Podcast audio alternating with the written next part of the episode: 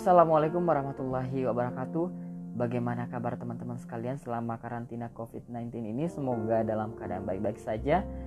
Bukannya saya membuat teman-teman bersedih dengan terlalu dengan cerita saya, namun uh, lagi-lagi saya membuat audio podcast ini untuk memotivasi teman-teman sekalian agar menjadi hidup lebih hidup begitu ya. Jadi jika saat ini teman-teman tidak merasa present gitu ya, tidak merasa hadir di dunia ini, hadirkanlah diri teman-teman, lakukanlah serangkaian rasa syukur yang uh, sangat berlebih begitu ya sehingga bisa mengatasi segala-segala perasaan, segala gunda gulana yang terjadi di kehidupan teman-teman sekalian.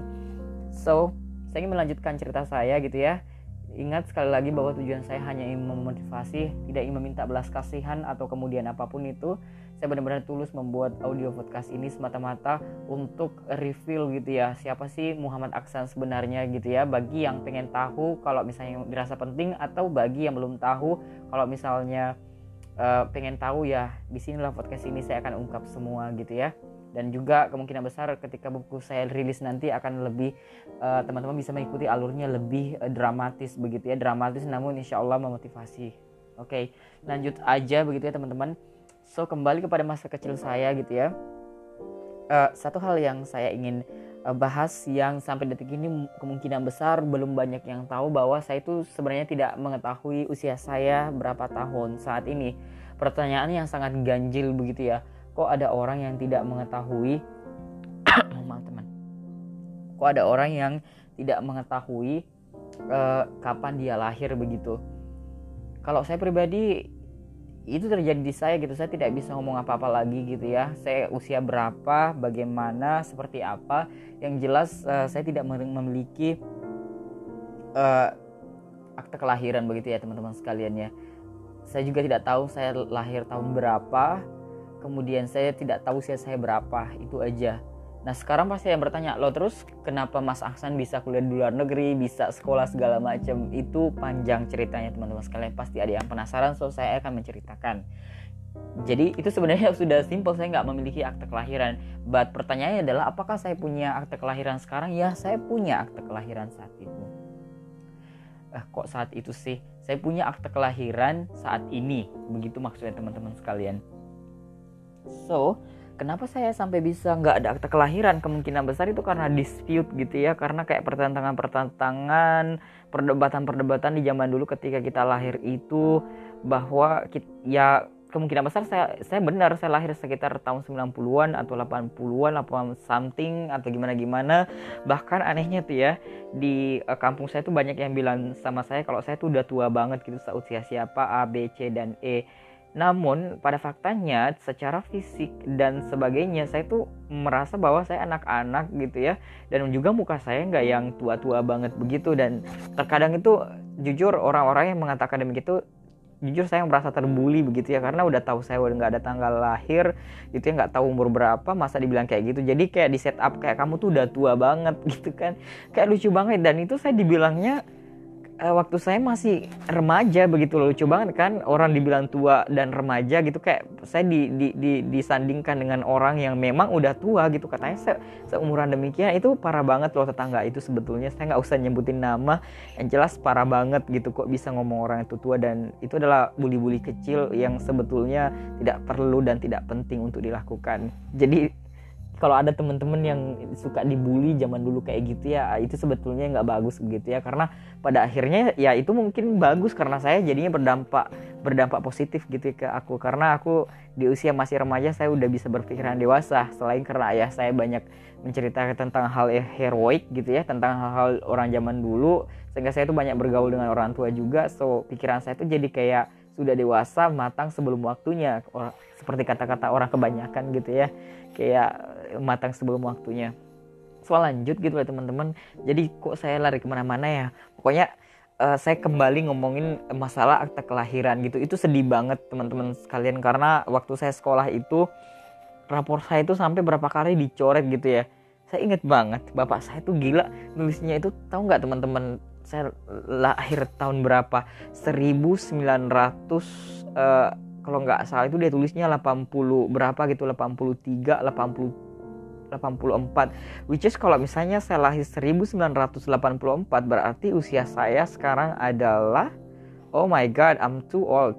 Jadi sekarang 2000 berapa ya? Eh, teman-teman mungkin bisa dibantu di kalkulator gitu ya. Jadi kalau 83 83an um, itu 17 tahun tambah ini berarti saya udah hampir 40 tahun. Oh my god it's not possible. Dan itu tahu nggak teman-teman siapa yang ganti? Saya yang ganti coret-coret sana sini dipakai tip X. Zaman dulu kan itu ada tip X gitu ya saya tip X gitu ya dihapus. Karena saya merasa terus saya lihat tuh tanggal lahir teman-teman saya sekelas gitu ya. Karena saya memang emang agak aneh juga sih karena saya ada mengalami apa ya akselerasi atau kelas percepatan gitu ya. Bukan karena saya cerdas banget atau gimana gimana teman-teman. Itu karena saya memang uh, karena persoalan ekonomi jadi saya agak sedikit telat sekolah katakanlah setahun dua tahun apa ya saya telat sekolah.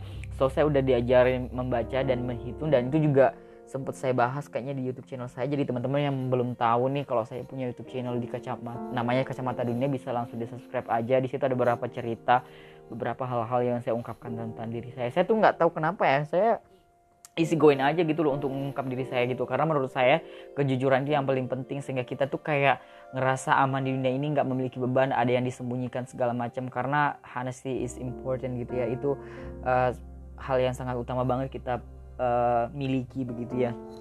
Nah ngomong-ngomong masalah tanggal lahir ini saya jadi susah banget gitu ya teman-teman. Uh, saat uh, saat uh, saya tuh udah beranjak SMP gitu ya. Akhirnya saya bingung menentukan tanggal lahir saya berapa gitu ya. Dan lagian waktu itu belum kepikiran bikin akte kelahiran. So saya sebenarnya kayak aneh gitu nggak ada akte kelahiran. Karena saya nggak tahu mungkin zaman sekarang kalau kita mau bukan mungkin ya emang wajib. Kalau orang mau ngapply uh, jadi di sekolah gitu harus ada akte kelahiran gitu. Itu kan kayak kayak di situ bisa dilihat tanggal lahirnya lahir di mana kayak gimana gimana juga kan bisa diisi gitu ya buat database begitu. Nah untuk saat ini loh ya tapi zaman tahun 96 97 kan itu aku masuk sekolah pertama itu nggak diminta ya kelahiran. Kalau iya aduh bisa berabe.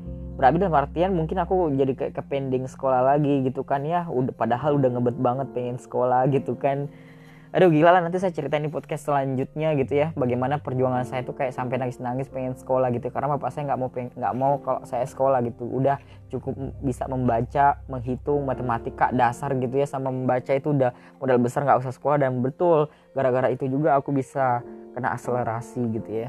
So teman-teman akte kelahiran saya itu baru ada nanti mau kuliah gitu ya. Jadi kayak gitulah kira-kira cerita singkatnya. Pokoknya intinya mungkin teman-teman ngerasa kayak wah Aksan ini bener-bener ini ya kok nggak punya akte kelahiran terus gimana dia bisa nyelesain segala urusan-urusan administrasinya. So begitulah. Allah Subhanahu wa taala Tuhan memberikan kita jalan-jalan mudah yang jelas. Uh, saya akhirnya memutuskan bahwa tanggal lahir saya itu adalah 6 Januari 1989 yang aku yakini dan sudah nggak bakal dirubah udah kayak gitu. Tapi dari usia saya nggak tahu saya usia berapa. So teman-teman kira-kira bisa nebak nebak dari dari muka saya nanti bisa di, di, dilihat di YouTube channel saya atau di Facebook. Kira-kira saya usia berapa? Teman-teman tentukan sendiri aja dah.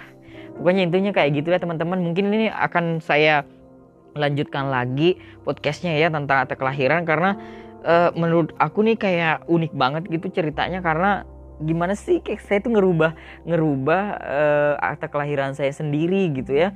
Lalu kemudian saya menentukan gitu ya. Kebetulan keluarga saya kerja di Capil ya udah ditentukan begitu. Karena I don't know where I was born when I was born. Kapan saya lahir di mana saya lahir. Eh, lahirnya sih tahu ya.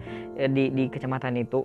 Eh, di Kulo gitu. Saya lahirnya di salah satu kecamatan di Kabupaten Sinerapan Sulawesi Selatan gitu ya. Dan uh, saya merasa bahwa hidup saya itu penuh miracle gitu karena ya keluarga saya ada yang membantu juga sih sehingga saya bisa di, dicetakkan akta kelahiran. Jadi saya ngerasa bahwa ada beberapa hal yang harus di reveal di hidup saya yang memang uh, itu dijadikan sebagai pengalaman hidup gitu ya. Kayak saya melihat bahwa saya tuh sedih gitu ya, tapi saya saya merasa miracle gitu karena Eh, hal-hal uh, yang tidak tidak ada dan tidak normal bagi manusia di luar sana menjadi normal bagi saya gitu dan it's happen gitu. So teman-teman sekalian mungkin saya ini agak sedikit ngelantur ya karena udah tengah malam banget. So saya akan uh, ngeceritakan kembali tentang akte kelahiran itu teman-teman ya betapa pentingnya dan bagaimana cerita unik saya gara-gara akte kelahiran tersebut. Karena ada beberapa cerita lucu sih, but saya nggak bisa menyampaikan terlalu panjang di sini ya karena nanti teman-teman bosen. Oke, saya akhiri dengan ucapan Assalamualaikum warahmatullahi wabarakatuh.